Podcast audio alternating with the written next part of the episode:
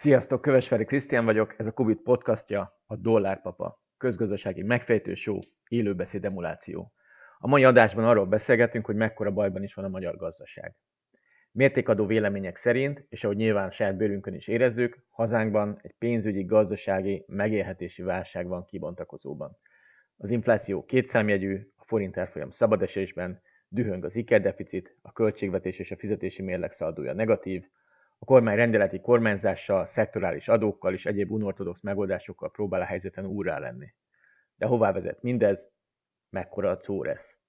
A magyar gazdaság kockázatairól, kitettségeiről, kilábalási lehetőségeiről beszélgetünk Györfi Dóra közgazdásszal, a Corvinus Egyetemi tanárával és Prince Dániellel, a londoni IFS közgazdászával. A beszélgetést a rezsinövelés bejelentésének napján vettük fel, jövünk vissza, ne menjetek messzire.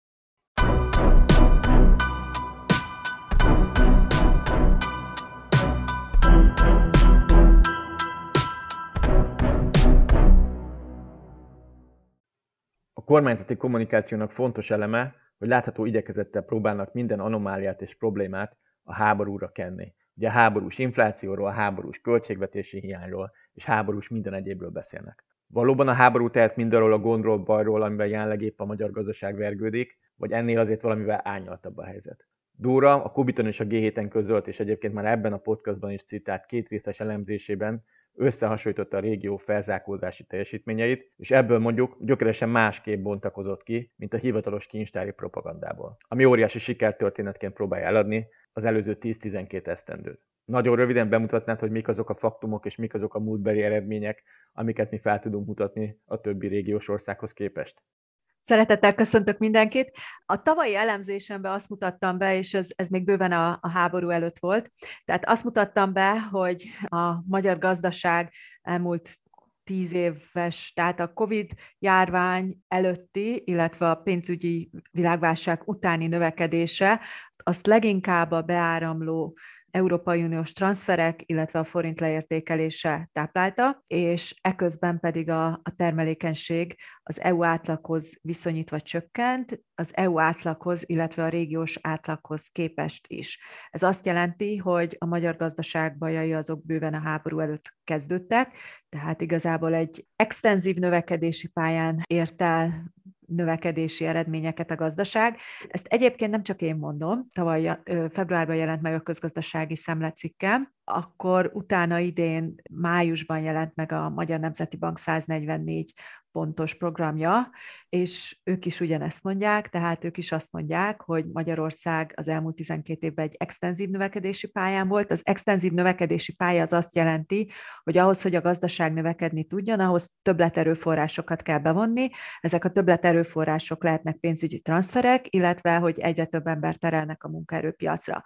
És amit most látunk, az ezeknek a többlet erőforrásoknak a kimerülése, tehát most már a foglalkoztatás egy nagyon magas szinten van, ahonnan már nagyon-nagyon nehéz tovább növelni, illetve hát látjuk, hogy az EU transferek is megkérdőjeleződnek, hiszen az Európai Unió ellen folytatott szabadságharc keretében veszélybe kerültek azok a transferek, amiket az elmúlt évtizedben megkaptunk, és éppen ezért a, a megoldás az a termelékenység növelése lenne, és ehhez a termelékenység növeléséhez kellene kutatásfejlesztés, illetve az oktatás fejlesztése, de azt láthatjuk, hogy erre továbbra sincs nagy hajlandóság. Ugye a termelékenységgel kapcsolatban egyébként egészen elképesztő statisztikákat, számokat, összehasonlításokat lehet látni. Ebben a közép-európai 11 országos, 11 EU országos kis csapatban mi a 2010-es negyedik helyről leküzdöttük magunkat 2021-re a tizedik helyre, tehát 11-ből a tizedik helyre, ami azt jelenti, jelesül rontottunk, tehát a korábbi bő 12 év alatt 17%-ot növekedtünk termelékenységben, az utolsó 11-12 évben meg 2,5%-ot csökkentünk, tehát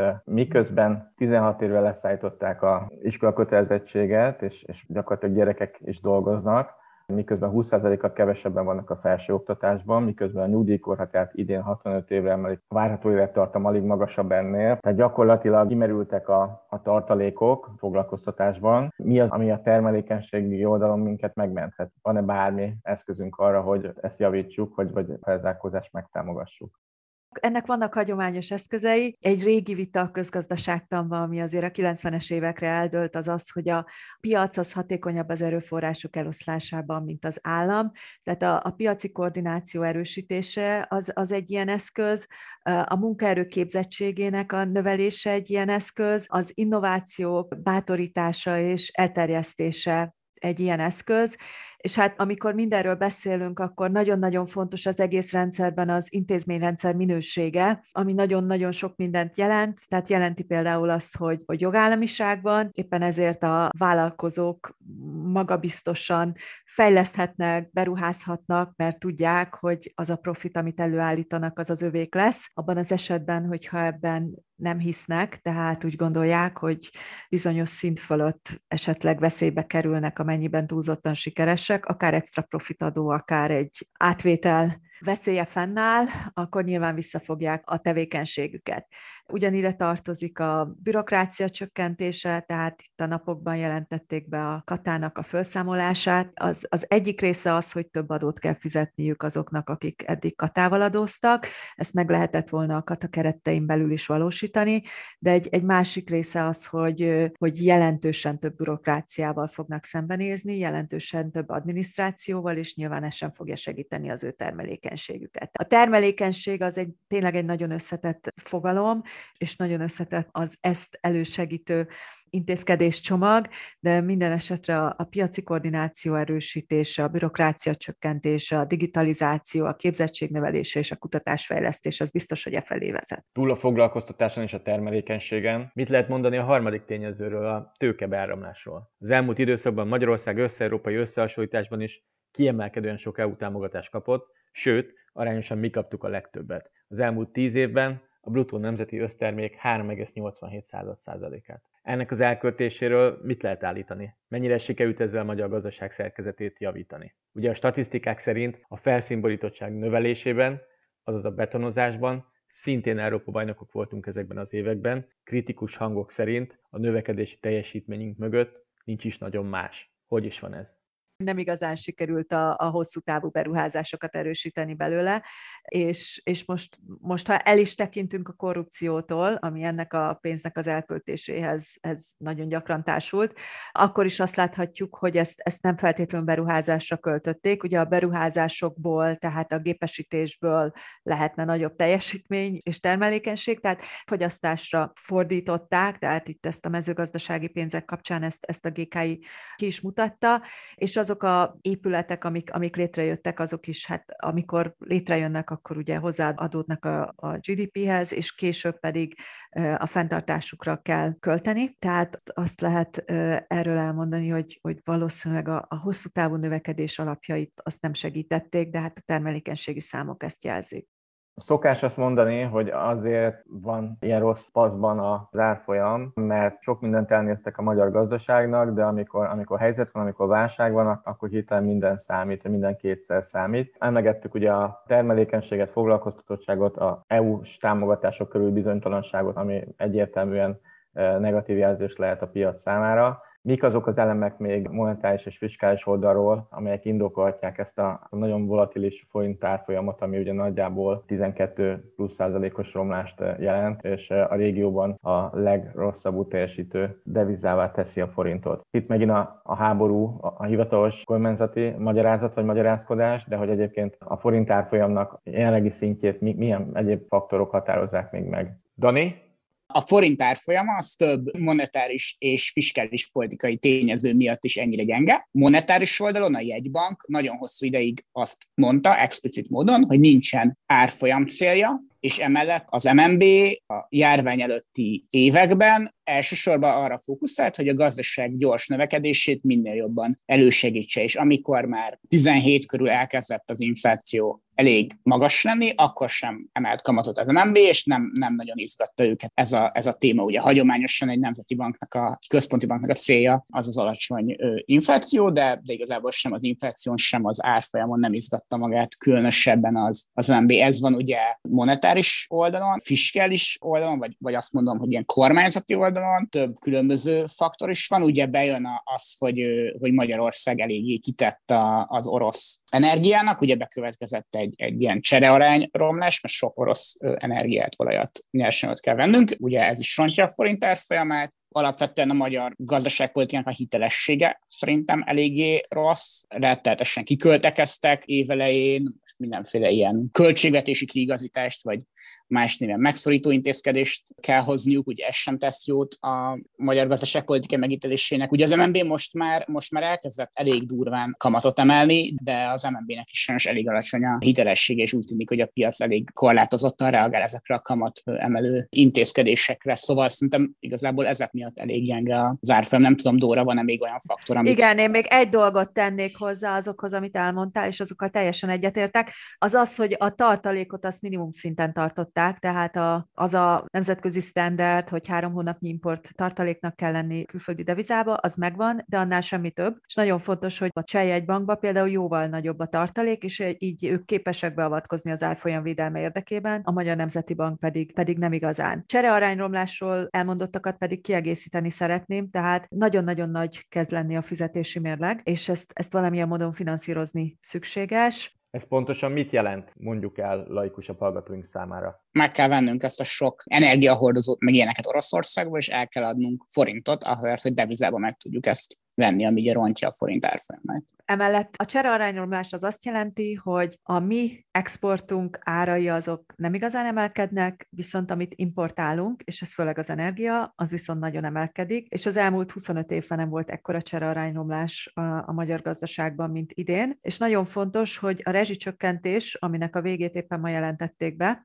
az ezt a helyzetet még tovább rontja, hiszen az alacsony energiaárakon semmilyen ösztönző nincs arra, hogy az emberek spóroljanak az energiával, és emiatt óriási, tehát a benzinfogyasztás az elmúlt évben 20%-kal növekedett egy olyan időszakban, amikor egyébként a 480-as benzinár az eléggé magas, de minden esetre ezt meg kell venni külföldről, és ezért devizába kell fizetni, és ez azt jelenti, hogy az import árakhoz képest az export, a magyar export nem annyira versenyképes, és ez egyfajta leértékelődési nyomást helyez a forintra, és van egy ilyen várakozás is. És ezt a várakozást még táplálja az is, hogy az elmúlt évtizedben a jegybanktól azt hallgattuk, de igazából még az elmúlt hetekben is előfordult olyan nyilatkozat, hogy az árfolyam az pont ott van jól, ahol van, mert hogy azt a piac dönti el.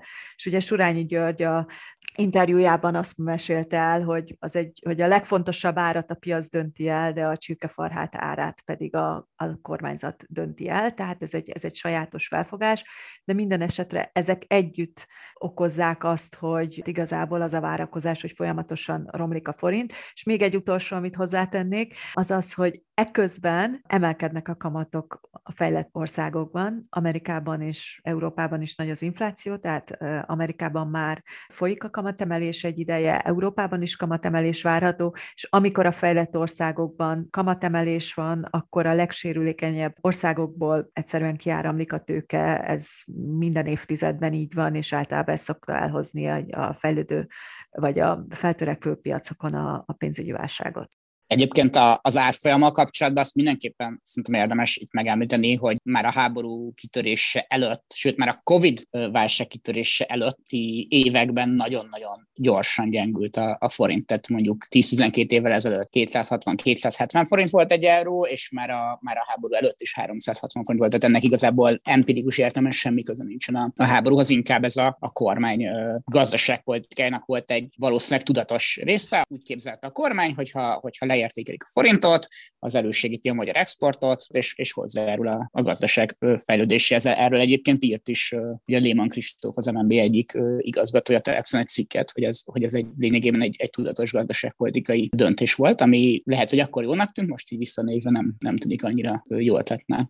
Ezzel ugye foglalkoztunk a Kell nekünk Enró című adásunkban, amikor is a Léman Kristófi virágbarnabási víziókra többek között Kónya István reagált, és ezt egy ilyen önsorsrontó, önbecsapós, önelszegényítő megközelítésnek nevezte. Tehát az, hogy folyamatos forint leértékeléssel elsősorban technikai értelemben valami fajta felzárkózást produkálunk. De erről egyébként valamelyes megosztanak a vélemények a közgazdászok között. Az, hogy egy fizetési mérleg válság idején a, a árfolyam kiigazítás az, az a legkevésbé fájdalmas módszere annak, hogy, hogy az egyensúlyt megteremtsék, az egy történet. Egy másik történet az az, hogy, hogy igazából minden problémára az árfolyam leértékelés a megoldás, és az árfolyam leértékelés igazából a termelékenység növekedését helyettesíti. Tehát arról szerintem olyan nagy vita nincs a közgazdászok között, hogy ez valószínűleg nem helyes az új kormány egyik erős állítása, illetve egyik erős miniszterének erős állítása, hogy 20-30-ra akár Ausztriát is befoghatjuk, és bár magyarság teljesítményben és felzárkózási teljesítményben szeretünk különösen erősnek tűnni, ez még a megszokott állításokhoz képest is kifejezetten hajmeresztőnek hangzik. Szerencsére itt van velünk Dóra, aki majd elmondja nekünk, hogy mennyi esélyünk van arra, hogy 2030-ra ilyen szép teljesítményt nyújtsunk. Miközben egyébként Magyarország 2021-ben az EU átlag 76%-ánál jár GDP per kapitában, ami egyébként a 2010-es 66%-nál ugye azért lényegesen jobb eredmény, bár az is igaz, hogy ugyan Szlovákiát leerőztük ebben az időszakban, Észtország, Lettország, Lengyelország lehagyott bennünket, és Románia is vészesen a nyomunkban van. Azaz erősen a középmezőnyben szerepeltünk, ahogy Dóra már korábban is elmesélte nekünk. Tehát mi várható? Van-e a magyar növekedésnek még valami fajta rejtett tartaléka, és 20-30-ban előre köszönnek-e nekünk majd az osztrákok. Ez a viccnek is rossz kategória, mégpedig azért, mert említetted, hogy 66-ról 76%-ra zárkoztunk fel 12 év alatt, és nagyon fontos, hogy ez az EU átlag, és nem az osztrák növekedési szint, ami, ami 120% felett van. Tehát én nagyon boldog lennék, hogyha megközelítenénk az EU átlag 100%-át, de erre sem tennék nagy téteket. Az EU átlag 120-130%-a pedig nagyon-nagyon messze van. És nagyon fontos, hogy 2022 kettőt írunk, háborús időszak van. Nyolc év alatt nagyon-nagyon valószínűtlen, hogy egy magas kamat környezetben, amikor tényleg 75% fölött van már a foglalkoztatás, és egyébként kérdéses, hogy megérkeznek-e azok az EU források, amik az elmúlt 12 évben megérkeztek, hogy most hirtelen megdupláznánk vagy tripláznánk a konvergencia ütemét. Tehát ez, ez egy politikai szlogennek értelmezhető. Ez egy nagyon régi szlogen, tehát ezt, ezt ismerjük. A rendszerváltás idején is, 1990 tájékán is ez volt, hogy akkor utolérjük Ausztriát. Ezt 1800-as években is szerettük volna utolérni Ausztriát. Nagyjából akkor egyébként ugyanott, tehát száz évvel később is ugyanott álltunk, mint 1870-ben. Ezt Tomka Bélának a műveiből lehet tudni. Tehát a reális az az, hogyha az, amit az Magyar Nemzeti Bank elő szeretne, vagy reform javaslatokat benyújtott az, a 144 pontban, a reális az lenne, hogyha elkezdenénk átállni egy intenzív növekedési pályára, de még egyszer ennek olyan feltételei vannak, aminek a kormány eddig nagyon-nagyon keményen ellenállt, és ez az egyik az oktatás és a képzettségnek a növelése. Erre semmilyen, tehát amikor a tanárokat közellenségnek tekintik, akkor erre nem igazán látni erőfeszítést a másik pedig az intézményrendszer javítása és a jogállamiság helyreállítása, és erre sem fogadnék nagy tétekben, úgyhogy ha valamit nem szeretek előrejelezni, mert a társadalomtudományok nagyon-nagyon gyengén teljesítenek az előrejelzésbe, de azt viszonylag jó eséllyel előre tudom jelezni, hogy nem fogjuk 2030-ra utolérni Ausztriát. Azok, akik az önálló monetáris politikában és a forintban hisznek, a jegybankban dolgoznak sokan ilyen közgazdászok, talán ők is egyetértenek azzal, hogy bár a gyenge forint az valamilyen szögből lehet aktuálisan egy sokkezelő válságkezelő eszköz, de a, volatilitás, tehát a változékonysága az árfolyamnak az mondjuk messze nem szerencsés és nem tervezhető, és ez önmagában is egy plusz kockázatot, egy plusz országkockázatot jelent. A német-magyar ipari és kereskedelmi kamara tagjait kérdezték meg nemrégében arról, hogy mik a legkockázatosabb vagy, vagy legkevésbé nyerő dolgok itt hazánkban, és az energiárak, nyersanyagárak, szakemberhiány mellett az árfolyam kockázat az, az nagyon magas magasan szerepelt, tehát kifejezetten zavarja már egyébként az exportőröket is, hogy ennyire tervezhetetlen az, hogy, hogy igazából mennyi a forint árfolyam. Ebből a szögből nézve, Danit kérdezzük, a nagy államadóság, a gazdaságpolitikai unortodoxia, a források körüli bizonytalanság mentén háborús veszélyhelyzetben, amiben ugye éppen vagyunk, hivatalosan is, alkotmányosan is, ez a volatilitás, ez mennyire nehezíti meg a, a gazdálkodás, és mennyire nehezíti meg a gazdasági szereplők életét, és mennyire jogos az, hogy ez, ez önmagában is egy plusz kockázatként szerepel itt sokak fejében. Szerintem ez jogos benne, hogy cégek meg befektetők beszélnek erről, tehát akkor ezek szerint nekik ez fontos. Ugye, ugye arról van szó, hogy mondjuk egy német vagy, vagy valamilyen más nyugati cég, ami euróban gazdálkodik, csinál valamilyen üzleti tevékenységet Magyarországon, de nem tudja előrejelezni, hogy egy hét múlva, egy hónap múlva, egy év múlva egyáltalán megközelítőleg mennyit fog érni egy, egy forint. Tehát így nem lehet ugye előre tervezni, nem lehet megalapozott döntéseket hozni, de hogy itt, itt már olyan, olyan mértékű rángatásokról, en árfolyam kilengésekről beszélünk, mondjuk néhány hét alatt akár 10-15%-os kilengésekről, és az elmúlt 10 évben meg ugye egy 50%-os gyengülésről, ami, ami már tervezhetetlenné tesz sok ilyen gazdasági döntést. Persze sok ilyen cég egyébként ugye eleve euróban csinálja az összes elszámolást, és ez kevésbé gond, de alapvetően nagyon nagy az, az árfolyam kockázat Magyarországon, ez ugye rontja magát az, az üzleti környezetet. És itt eltér attól, mint az, hogy általában milyen szintű árfolyamot tart az MNB optimálisnak, egyetértek abban, hogy valószínűleg az MNB gyengébb forint párti közgazdászai sem szeretik azt, hogy az árfolyam össze-vissza kileng, csak úgy tűnik, hogy az MNB nem nagyon tud ezzel ellen semmit tenni. Most már többször radikálisan emelték kamatokat, és nem igazán történik semmi az árfolyama, azért mert az MNB-nek nagyon alacsony a, a hitelessége. Jaksis György egy minapi interjúban játékpénz kategóriába sorolta a forintot. Ő és mások is attól óvnak bennünket és a magyar gazdaságot, hogy esetleg egy ilyen párhuzamos devizarendszer alakul ki az országban, és az elszámolás, meg minden egyéb átáll euróra. Ilyesmit egyébként például a Balkánon itt-ott meg lehet figyelni. Ez mekkora veszély, vagy mit jelentene a gyakorlatban? És az milyen módon hatna a forint leértékelődésére a jövőben?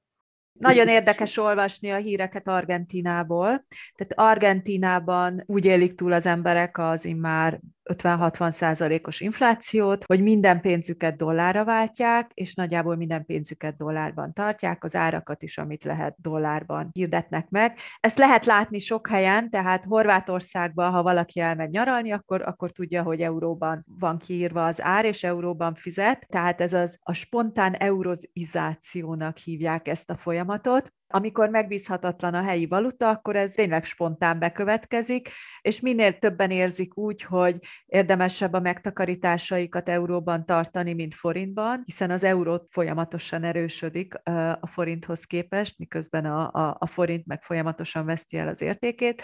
Ez spontán lakossági döntés alapján megtörténik, és, és nem csak akkor a, a német munkáltató fogja megajánlani euróban a béreket. Egyébként ennek a magyar munkavállaló nagyon fog örülni, hiszen folyamatosan akkor érezheti, hogy az ő bére növekedik forintban kifejezve. Hirdetnek ingatlanokat euróban, ami nagyon fontos az elmúlt években. Nagyon sokan tartották a megtakarításaikat MÁP pluszban.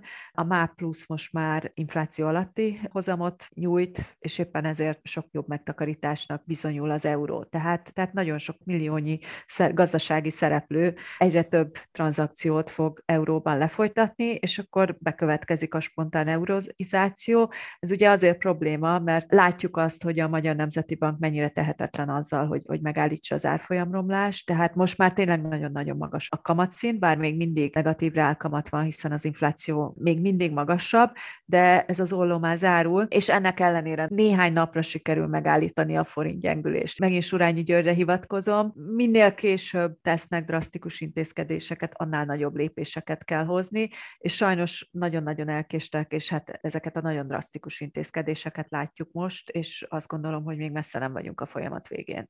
Egyébként, hogyha pánikszerűen elkezdik az emberek átváltani a megtakarításaikat euróra, akkor az ugye tovább fogja ron a, a forintnak az árfolyamát nagyon radikálisan. Hogyha ez egy lassú folyamat, akkor egyébként ennek lehetnek még akár előnyei is egy ilyen euróizációnak vagy dollarizációnak, de ha hirtelen következik be, akkor a forint árfolyama még tovább fog esni nagyon durván.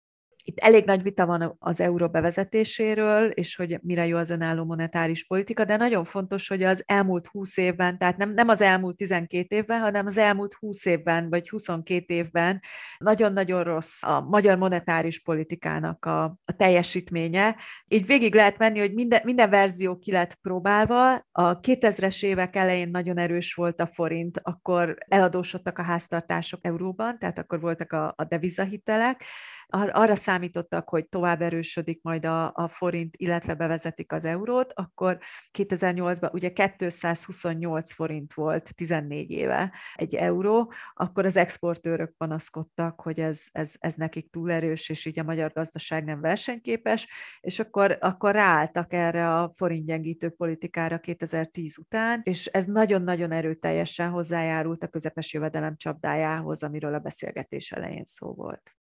A magyar infláció kétszámjegyű, 12-14% körül van június-júliusban, ezen belül az élelmiszerinfláció 20-30% között van. Hogyan lehet a jelenlegi magyar infláció összetevőit és dinamikáját magyarázni, mennyire keresleti, vagy mennyire költségoldali, és mennyire váltná adaptívvá, azaz mennyire épült be a várakozásokba, és vált önmagát gerjesztővé, tovább csökkentve ezzel a megfékezésének esélyeit. Ugye nagyon gyakran ez utóbbi faktor válik az áremelkedés motorjává, és most is azt látjuk, hogy a piac nagyon gyorsan lealkalmazkodja az áremelkedéseket, és ha az egyik áruházláncban emelkedik a krumpli ára, akkor rögtön követik a többiek is ahogy a gazdaság elkezdett kilábalni valamennyire a Covid-ból, először azért kezdett el kialakulni infláció, mert a termelés még nem állt teljesen helyre, a különböző ilyen termelési láncok nem álltak teljesen helyre, és ezért sok jegybank úgy látta, hogy ez egy ilyen átmeneti infláció, és ezért nem is érdemes beavatkozni, mert ez egy kínálati oldali jelenség. Viszont most már látszik, hogy itt más dolgok is, is állnak az infláció mögött.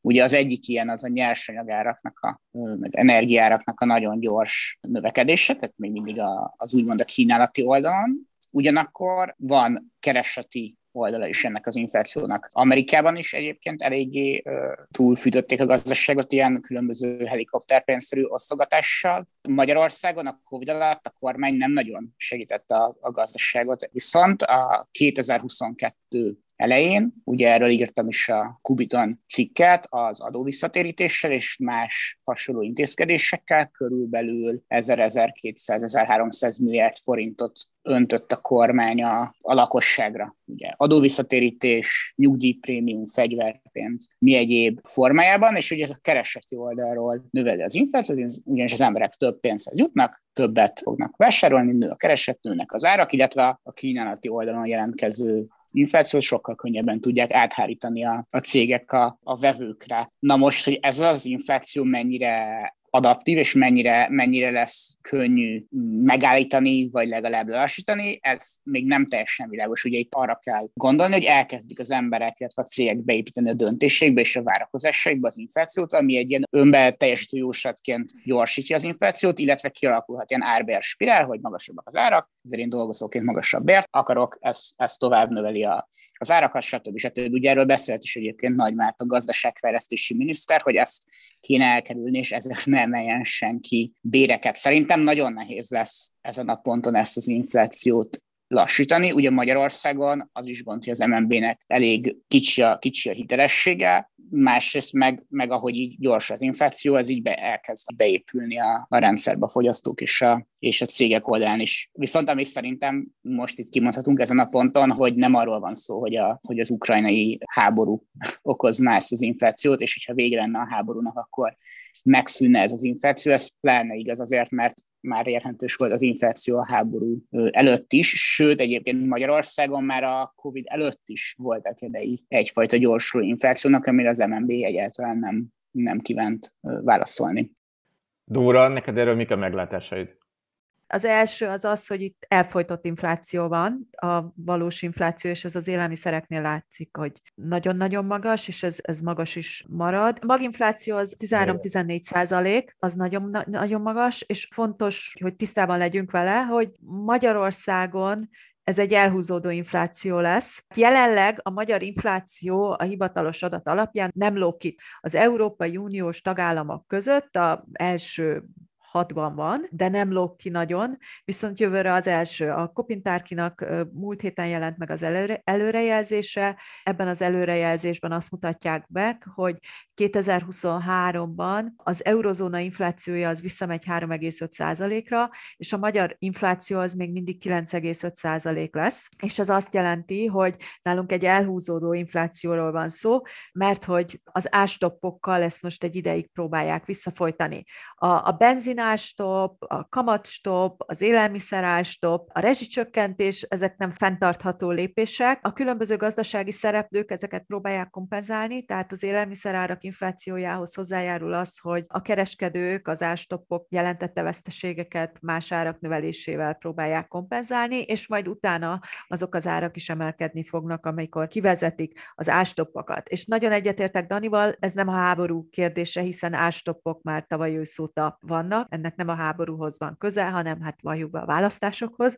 És amikor kivezetik ezeket, akkor, akkor lesz még egy szakasza a magyar inflációnak, és emiatt Európában a legmagasabbra várják jövőre. És még egy nagyon fontos, amit hozzá kell tenni, a infláció a költségvetési kiigazításhoz is, is nagyon hasznos. Az államnak rendkívül nagy áfa bevétele származik az árak növekedéséből, tehát amikor azt halljuk, hogy messze túl teljesítették az adóbevételek tervezetét, és ez segíti a költségvetési hiány elérésének célját, akkor, akkor az történik, hogy azt a rengeteg pénzt, amit a választások előtt kiszortak, azt az infláción keresztül fogják visszaszedni. Tehát az infláció az a megszorító politikának egy része, és ez, ez jövőre is egyértelműen velünk marad ahogy Dóra elmondta, az infláció miatt itt egy 2000 milliárdos költségvetési többletről beszélnek, és ehhez képest egy 2000 milliárdos kiigazítást is megejtenek a, egy 3%-ost idén, és egy 3%-os jövőre is, ami összemérhető egyébként a bokros csomaggal, a 2006-os kiigazítással, de valamiért ezt most nem nevezik megszorításnak. Mit gondolunk erről az intézkedés csomagról, Dani? Tehát ezzel ezt a fiskális alkoholizmust, ami a magyar gazdaságra az elmúlt 30-valahány évben sokszor volt jellemző, pártállástól függetlenül. Ugye a szocialistákat is gyakran vádolták hasonlóval, de 17 után gyakorlatilag ez az önfelett költekezés itt a Fidesznek is sajátja lett, tehát ezt, ezt most ez a kiigazítás ez mennyiben fogja megállítani, és egyáltalán értékeljük a kormányzatnak a válaszait. És a csomag szerkezetét.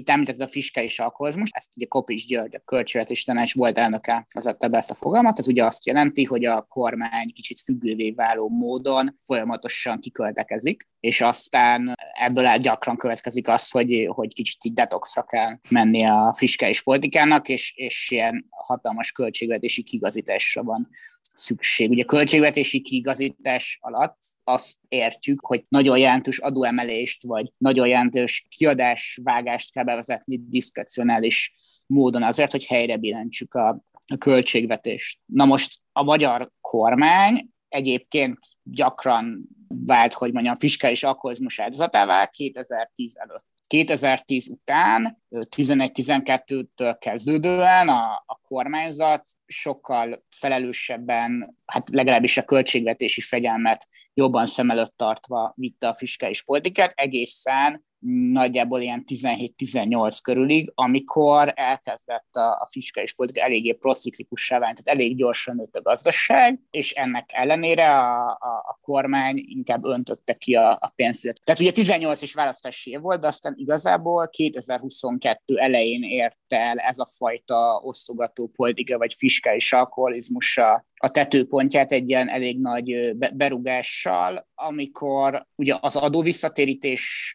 formájában 600 milliárd forintot, és más intézkedések formájában még körülbelül ugyanennyi pénzt öntött a, a kormány az, az emberekre, és igazából ez vezetett oda, hogy most nyáron el kell kezdeni a kormánynak, nevezhetjük ezt megszorításnak, nevezhetjük ezt költségvetési kigazításnak, de bevétel növelő, diszkrecionális bevétel növelő, illetve kiadás csökkentő intézkedéseket tennie. Ugye a szerkezet ennek körülbelül úgy néz ki, hogy másfél száz százalék megtakarítás, beszélnek bürokrácia csökkentésről. Nem tudjuk, hogy mennyire sikeres, de mondjuk ilyen kormányzati beruházás, visszavágás, még ilyenekbe is gondolkodnak, ami ugye inkább lehetséges, mert elég sokat költöttek nem túl produktív beruházásokra, és körülbelül másfél százalék a bevételi oldalon jelentkezhet, elsősorban ugye különadók formájában. Na most az egyik kérdés, amit feltettél, Krisztián, hogy mennyire jó ennek a kiigazításnak a szerkezete. Szerintem itt érdemes egyet visszalépni. Igazából itt az igazi gond az az, hogy miért van egyáltalán szükség erre a kiigazításra.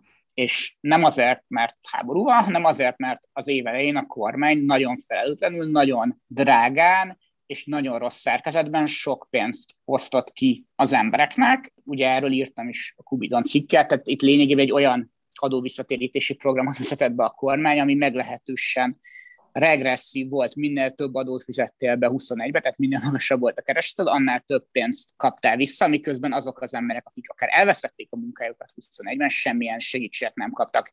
Egyébként ugye 22 én amikor bevezette ezt a adóvisszatérítést a kormány, akkor valójában a gazdaság helyzete nem volt igazán rossz, tehát nem élénkíteni kellett volna ilyen makrogazdasági szempontból a gazdaságot, hogyha akár élénkítésről, akár az embereknek a segítéséről akarunk beszélni, akkor olyan 20-ban, 21-ben lehetett volna értelme, amikor írtunk is erről Dórával és más közgazdászokkal együtt, amikor viszont meg semmiet nem tett a kormány. Szóval most ugye azért kell kiigazítani, mert az év elején nagyon sokat osztogatott a kormány. Na most, ha elfogadjuk, hogy, hogy emiatt muszáj kiigazítani, akkor lehet elkezdeni arról vitatkozni, hogy milyen ennek a kiigazításnak a szerkezete. Ugye ez abban különbözik a korábbi mondjuk 2006-os kiigazításhoz képest, hogy 2006-ban ez inkább egy SZIA, illetve áfalapú kiigazítás volt, most viszont szektorális különadókat vezet be a kormány, különböző szektorokat adóztat kiemelten, azt mondja, hogy ideiglenes jelleggel, de a korábbi különadó bevezetési történetek alapján lehet, hogy ezek persze állandóvá válnak. Ugye ilyen az energia különadó, ilyen a, a légitársaságok különadója, a bankadó, a reklámadó, stb. stb. Na most összefoglaló állítást tenni ezekre a különadókra hogy mondjam, közgazdasági szempontból nehéz. Egy összefoglalás, amit mindenképpen mondhatunk szerintem, hogy azért nem ideálisak ezek a típusú hirtelen bevezetett különadók, mert rombolják az üzleti környezetnek a kiszámíthatóságát. Tehát nem tudják a cégek, hogy milyen környezetben fognak adózni jövőre, mikor szabhat királyuk az állam egy ilyen, egy ilyen Tehát ez egy összefoglalás. Na most ezen túl külön érdemes ezeket vizsgálni, azt mondani, hogy mennyi bevételt hoznak, milyen arányban fizetik meg őket az érintett cégek versus a dolgozóik, versus a fogyasztók, milyen jövedelmi csoportokat érintenek, illetve hogyan hathatnak az egyes piacokra. Dóra, a külön adókhoz esetleg?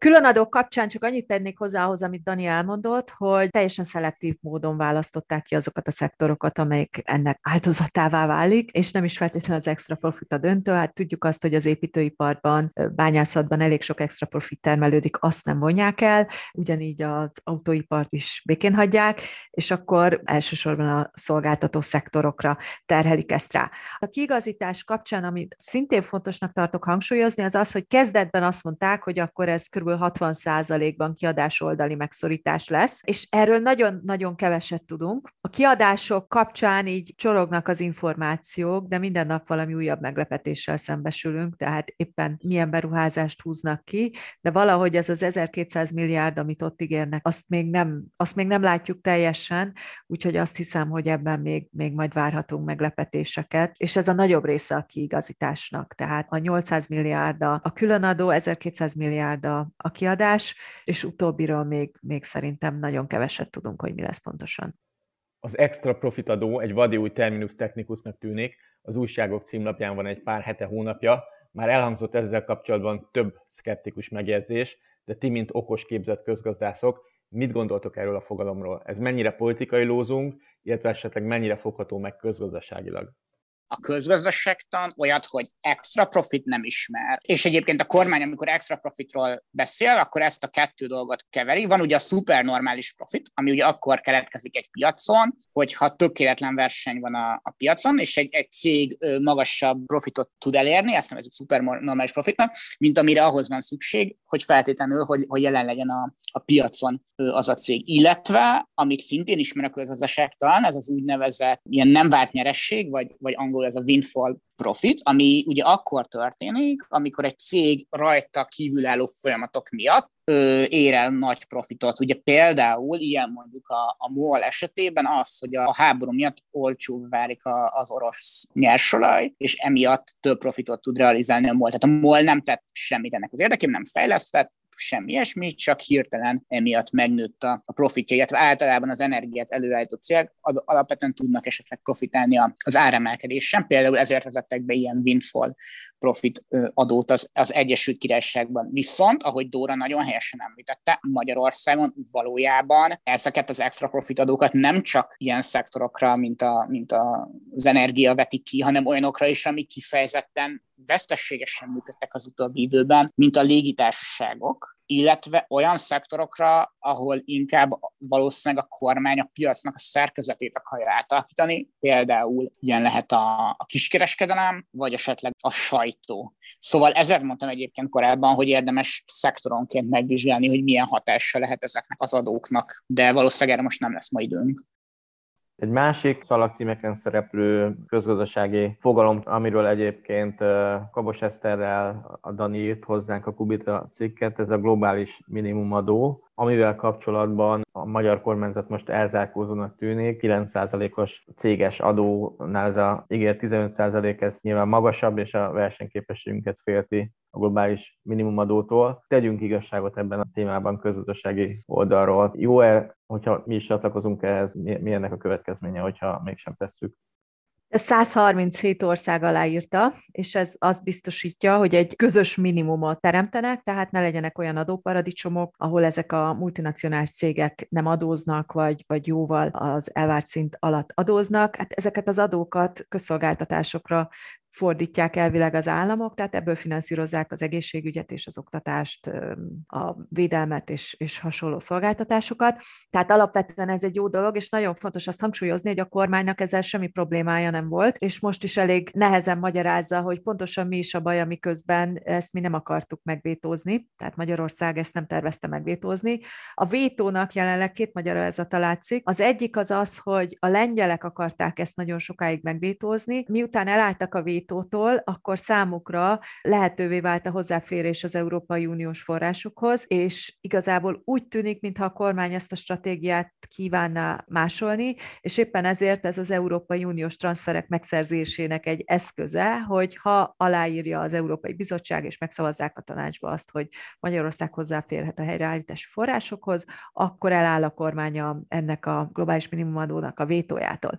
A másik ok, ami miatt vétózni szándékozik, ez a Washington Postban talán múlt héten jelent meg egy cikk arról, hogy az amerikai republikánusokkal való kapcsolat, és hát itt Tudjuk, hogy ez egy elég kiterjedt kapcsolat mostanra, tehát májusban Magyarországon volt a konzervatív politikai fórum, amerikai konzervatív politikai fórumnak a rendezvénye, és most is meghívták Orbán Viktort egy hasonló rendezvényre Texasba. Tehát ezt igazából az amerikai republikánusok kérésére vétózza meg, akik ezeknek a nagyvállalatoknak az érdekeit képviselik, és ettől egyfajta politikai hasznot remél abban az esetben, hogyha a republikánusok hatalomra kerülnek, itt novemberben félidős választások lesznek, és 2024-ben elnökválasztás. Tehát az az érvelés, hogy, hogy mi ettől versenyképességet vesztenénk, az hamis, hiszen pont az a lényege, hogy ez ne legyen versenyképesség jelentő tényező. Amit ez a versenyképesség gondolat jelent, az az, hogy mi potyautasként szeretnénk viselkedni, és ezt a kormány deklarálja. Ez igazából nem annyira jó a nemzetközi hírnevünk tekintetében. Tehát amiről talán ebben a beszélgetésben kevesebb szó esett, az az, hogy a forintgyengülés mögött azért az is nagyban benne van, hogy, hogy Magyarország nemzetközi hírneve az tényleg most arra már katasztrofális lett, és e, itt van a háborúnak szerepe, a szankciós csomagok megvétózásának, és többek között az, hogy kvázi trollkodunk a, a nemzetközi diplomáciában, és emiatt, emiatt is menekülnek a befektetők az ilyen kiszámíthatatlan országból, mint Magyarország. Magyarország gyakorlatilag az EU-n belül egy adóparadicsom most jelenleg a vállalatoknak, hogy ez a 9 ez globális viszonylatban is rendkívül alacsony. Tehát ilyen az adószerkezet, hogy, hogy egyébként világbajnok áfával, de nagyon alacsony vállalati adóval dolgozunk. Ennek a feladása, azt mondtuk, azt mondtad, hogy szándéka volt a magyar kormánynak. Ez mit jelentene nekünk itt tőkebeáramlás szempontjából, meg versenyképességi szempontból? Dani? A globális minimumadónak nem az a lényege igazából, hogy a, az úgynevezett termelővállalatok kegyeiért ne tudjanak versenyezni az országok, tehát hogy ne mondhassa azt Magyarország, hogy mi adunk egy adókedvezményt, hogy az Audi csináljon gyárat, és ne Szlovákiában. Ez kismértékben lehet ilyen hatás, de igazából a globális minimumadónak az a, az a fő célja, hogy a cégek nem mozgassák papíron a profitjaikat adóparadicsomba, így elkerülve a társasági adókat. Tehát szerintem amellett nagyon-nagyon nehéz érvelni, hogy az a típusú adóparadicsomok, és itt érdemes egyébként az ilyen karib-tengeri szigetek mellett akár Írországra gondolni, ahol nagyon sok cég van bejegyezve azért, hogy ott könyvelhessék le a profitot. Tehát, hogy az mellett nagyon-nagyon nehéz érvelni, hogy ezeknek a típusú adó paradicsomoknak bármi pozitív hozadéka van a világ számára, és igazából ezeket próbálja a globális minimumadó kiküszöbölni. Tehát a valós termelő tevékenységet folytató vállalatok nem igazán hatna úgy, ahogy azt a kormány beállítja, és egyébként a republikánusok sem amiatt lobbiznak, mert a Amerika versenyképtelenebbé válna, hanem a sok amerikai vállalatnak az az érdeke, hogy a saját profitjait ilyen adóparadicsomokba realizálja. De érdemes egyébként erről elolvasni a cikkünket Kabos Eszterrel a Kubiton. A szankciós politika kiértékelése nyilvánvalóan nem része ennek a mai beszélgetésnek. De a szankciók és a 2014 óta tartó rezsiharc, a nyomott energiaárak és az épp ma bejelentett az átlagfeletti fogyasztókat érintő rezsinövelési intézkedések hogyan kapcsolódnak egymáshoz, és mik a rezsiharc következményei az államháztartásra. Nagyon fontos, hogy háború van, és, és az is nagyon fontos, hogy Oroszország a nyugat ellen folytat háborút, tehát Ukrajnát támadta meg, de nagyon fontos azt tudni, hogy nem tervez megállni Ukrajnánál. Ezt az orosz közmédia rendszeresen közli, hogy mi lesz a következő, tehát Litvánia van megfenyegetve, Lengyelország van megfenyegetve, NATO tagállamként ezek a fenyegetések is Magyarországot is érintik. Emiatt a szankciók igazából szükségesek, és nagyon fontos, hogy nem feltétlenül azt szolgálják, hogy Putyin másnap leállítsa a háborút, mert hogy Putyin nem racionálisan dönt, ha racionálisan döntene, akkor, akkor nem támadta volna meg Ukrajnát.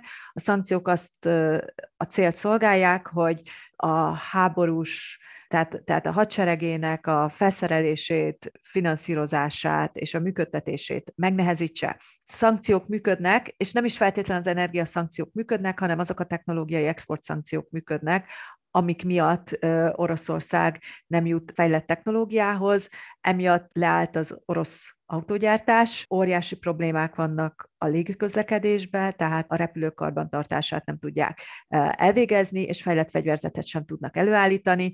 Idő, amíg ezeknek a hatása kibontakozik, minden esetre az orosz gazdaság jelentős visszaeséssel számolhat az idei évben. Tehát a szankciók azok abszolút szükségesek, és háború van, úgyhogy ezt muszáj elfogadni. Ebből adódóan pedig Oroszország Aszimmetrikus helyzetben van, mert az orosz gazdaság, a világgazdaság 2%-a, a nyugati országok pedig több mint 50%-a, tehát a nyugati országok szankcionáló képessége az nagy, viszont az orosz ellen lépés az az, hogy például felfüggeszti a gázszállítást, és hát e, ennek a veszélyét látjuk, és ezt teszi fenntarthatatlanná a rezsicsökkentést. Ezt a kormány is belátta, mert éppen beszélgetésünk idején jelentette be, hogy a rezsicsökkentés az innentől kezdve már csupán az átlagfogyasztásra fog vonatkozni.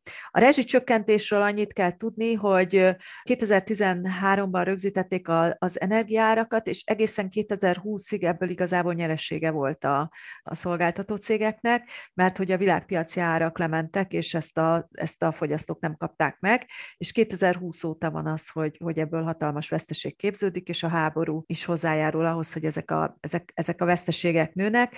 Nincs ingyenebé, tehát ez a közgazdaságtannak az egyik alaptétele, tehát ezt valakinek ki kell fizetni, fizetni, és hogyha ez, ez, ez nem a fogyasztó, akkor az állam, és hogyha az állam ezt kifizeti, akkor más célokra nem lesz pénz, tehát akkor például a tanárok béremelése nincs miből finanszírozni. És nagyon fontos, hogy ez a típusú rezsicsökkentés, ami eddig volt, az elsősorban a legnagyobb nyerességet a leggazdagabb háztartások, tehát a legnagyobb és a legtöbb energiát fogyasztó háztartások számára biztosította, tehát valami fajta rászorultsági elvet ezen a területen muszáj bevezetni. Dani, a rezsicsökkentés szociális dimenzióiról, célzottságáról mit tudunk mondani nagyon röviden? A rezsicsökkentés ez egy nagyon jó példája annak, hogy a, a jelenlegi kormányzat az semmilyen olyan intézkedésre nem hajlandó, ami valamilyen szempontból célzott. Tehát ilyen általános intézkedésekre hajlandóak, hogy jó, akkor mindenkinek rögzítjük a rezsi árát, mindenkinek rögzítjük a benzinárát, vagy az élelmiszerárakat. Ugye az én véleményem szerint ideális politika egy ilyen válsághelyzetben, amikor nagyon nagy az infláció, vagy elszállnak az energiárak, ugye az lenne, hogy, a, hogy az alacsony jövedelmű háztartásokat, családokat segítsük, de valamilyen megfontolásból a kormány csak általános általános célzatlan intézkedésekre hajlandó, amik viszont rendkívül drágák. És ugye most, a, most úgy alakítják át a, a, a rezsi árrögzítést, hogy a, hogy a rögzített ár csak az átlagfogyasztásig fogják alkalmazni, ez még mindig egyébként borzasztóan célzatlan, hiszen az is, aki az átlag kétszeresét fogyasztja, az is csökkentett áron kapja az átlag mennyiséget, de ez, ez valamiféle előrelépés, de még mindig igaz az, hogy, a, hogy az elmúlt hónapokban kibontakozó ilyen megélhetési válságra a kormányzat nem hajlandó semmilyen célzottan segítő választ adni. Egyébként ugye beszéltünk az adásain az inflációról, viszont nem említettük, hogy az infláció az sokkal jobban érinti a legalacsonyabb jövedelmű háztartásokat, mert például az élelmiszerinfláció az több mint kétszerese az átlagnak, és az alacsony jövedelmű háztartások a fogyasztásuk sokkal nagyobb részét költik élelmiszerre. Tehát erre is valamiféle célzott válaszra lenne szükség, de én nem tudom megmondani miért, de ez, ez inkább egy politikai kérdés, a, a kormány nem hajlandó ilyenre. A rezsicsökkentés egyébként hogyan hat a lakossági takarékoskodásra és az energiahatékonyságra? Azzal, hogy a, a kormányzat mesterségesen alacsonyan tartja az energia árát, az ahhoz is hozzájárul, hogy nem spórolnak a háztartások. És amikor arról beszélünk, hogy lesz a gáz Európában a télen, akkor az árak révén, és nyilván nem a legszegényebb háztartásokon spórol, de, de az árak révén valamilyen módon a takarékoskodást elő kellene segíteni, és ez egyébként segíteni a folyófizetési mérleg hiányt is, ami éppen az energiaimportból van, és akkor a forint árfolyamát is, hogyha kisebb lenne a hiány, tehát ez a rezsicsökkentés, a fizetési mérleg hiány, illetve a forint árfolyama erőteljesen összefügg természetesen a rezsicsökkentés miatt nem éri meg például energiahatékonyságba fektetni, mert hiába sporolnál pénzt, mit tudom én egy napelemmel, vagy, egy, vagy mit tudom én egy vízerőmű építésével, hogyha igazából a rezsicsökkentett áron tudod megvenni az, az olcsóbb és nem túlságosan zöld energiát a rendszerből, tehát az ilyen típusú beruházások ellen is, is hat. Igazából, ami, amit még akartam mondani erről, ugye írtam többször is a Kubiten az élelmiszer meg, a, meg az üzemanyag árrögzítés kapcsán, hogy az tök jó lenne, hogyha piaci árakat ugye arra használnánk, használnánk, amire valók. Ugye ezek ilyen jelzőmechanizmusok, amik például, hogyha drágul az energia, arra ösztönöznek, hogy spóroljál, és újraelosztásra, vagy az emberek segítésére, meg a, meg a politikát, illetve az újraelosztás politikát kéne használni, nem, a, nem az árrögzítést. Kihetetlen mértékben nőtt egyébként az energiafogyasztás és az üzemanyagfogyasztás Magyarországon, amikor pont arra lenne szükség, hogy ez, ez csökkenjen a világpiaci árak változás alapján. Viszont ez nem azt jelenti, hogy ördögtől való az, hogy a kormányzat megvédje a hirtelen áringadozásoktól az embereket. Tehát szerintem azt közgazdászként sem gondoljuk, hogy mindig a piaci árat egy az egyben rá kell ereszteni az emberekre. Szerintem legalábbis, hogy Dóra elmondhatja a saját véleményét, szerintem legitim az árstabilizáció, hogyha ez szimmetrikus, tehát nem arról van szó, hogy amikor nőnek az árak, akkor, akkor olcsón adjuk a rezsit, de amikor viszont megcsökkennek, akkor valamilyen formában nem szedjük vissza ezt a, ezt a pénzt, de valamilyen formában az árstabilizáció jó lehet abból a szempontból, hogy egyfajta biztosítást nyújt a, a fogyasztóknak a hirtelen világpiaci áringadozással szemben. A magyar gazdaság állapotáról többszögből sok mindent elmondhatok. Zárásként fussunk még egy kört az ország presztízséről, a troll diplomáciáról, a mindenféle EU-s vétózásokról, meg általában arról a hitelességi deficitről, amit mind a kormányzat, mind a jegybank kapcsán kifelé és befelé is szokás emlegetni. Hogy látjátok? Mennyit romlott, vagy mennyit javult esetleg az elmúlt években ez, és mi lehet ennek a következménye túl a forint árfolyam aktuális alakulásán? Biztos, hogy romlott Magyarországnak a, a presztízse, hogyha a szűken vett üzleti környezetre gondolunk, monetáris politikánk hitelessége, a gazdaságpolitikánknak a, az olyan típusú hitelességet, megbízhatóságára gondolunk, hogy ha azt mondja a kormány, hogy jövőre X lesz az adó, akkor tényleg X lesz. Ugye ezek, ezek a dolgokkal az a gond, hogy nagyon-nagyon rombolják a, a befektetői bizalmat például. Tehát nem, most nem fogok én befektetni Magyarországon, hogyha nem tudom, hogy jövőre mennyi adót kell fizetnem, mennyi lesz a forintnak az árfolyama, bármikor bevezetnek egy különadót, bármikor elvehetik a cégemet, stb. stb. Tehát ezek a típusú folyamatok ugye rombolják a hitelességünket, kevesebb befektetéshez vezetnek, illetve nagyobb profitot várnak el a cégek azért, hogy befektessenek Magyarországon, cserébe ezért a plusz kockázatért, vagy mondjuk magasabb kamatot kell fizetni az LMB-nek azért, Magyarországon jöjjenek befektetők, vagy a forintot szinten tudja tartani, vagy le tudja nyomni az inflációt, és biztos, hogy egyébként diplomáciánk is és így működik. Nem biztos, hogy amikor a magyar kormány megígér valamit, hogy valamit nem fog megvétózni, vagy támogatni fog, akkor azt, azt elhisz, el fogják neki hinni a jövőben. Jeszenszki Gézának van egy könyve, az a cím, hogy az elveszett presztízs, és ebben az elveszett presztízsben azt mutatja be, hogy 1900-tól kezdve magyaroknak a nemzetközi presztízse nagyon leromlott, és külföldi brit újságírók egyre többet cikkeztek arról, hogy milyen elfogadhatatlan itthon a kisebbségek helyzete és az összes többi, és ez 1920-ban elvezetett Trianonhoz. Igazából nem lehet tudni, hogy, hogy ennek a troll diplomáciának mi lesz a vége, mert hogy nem tudjuk, mi lesz a, a, a világpolitikában, és hogyan alakul a, hogyan alakulnak az események. Minden esetre nagyon fontos tudni azt, hogy Magyarország abszolút beágyazott a nemzetközi rendszerben, tehát a világ egyik legnyitottabb országa, egy saját önálló valutával, ami a világ egyik legsebezhetőbb valutája, és a, a nemzetközi környezetben egy, egy kicsi vagy éppen csak közepes ország, tehát bármikor, amikor szükségünk van a többieknek a segítségére, vagy, vagy együttműködésére, akkor erre nem számíthatunk, és azt gondolom, hogy semmi sem illusztrálja ezt jobban, mint az, hogy egyedül a magyar kormányjal nem született még megállapodás a helyreállítási alapról, és az, az továbbra is egy nagy kérdés, hogy megszületik-e ez a megállapodás, és ha nem születik meg a megállapodás, akkor, akkor azok a folyamatok, amiket lát, látunk most az elmúlt hetekben, azok még, még nagyon-nagyon sokat tudnak romlani, és neki lehet menni a falnak.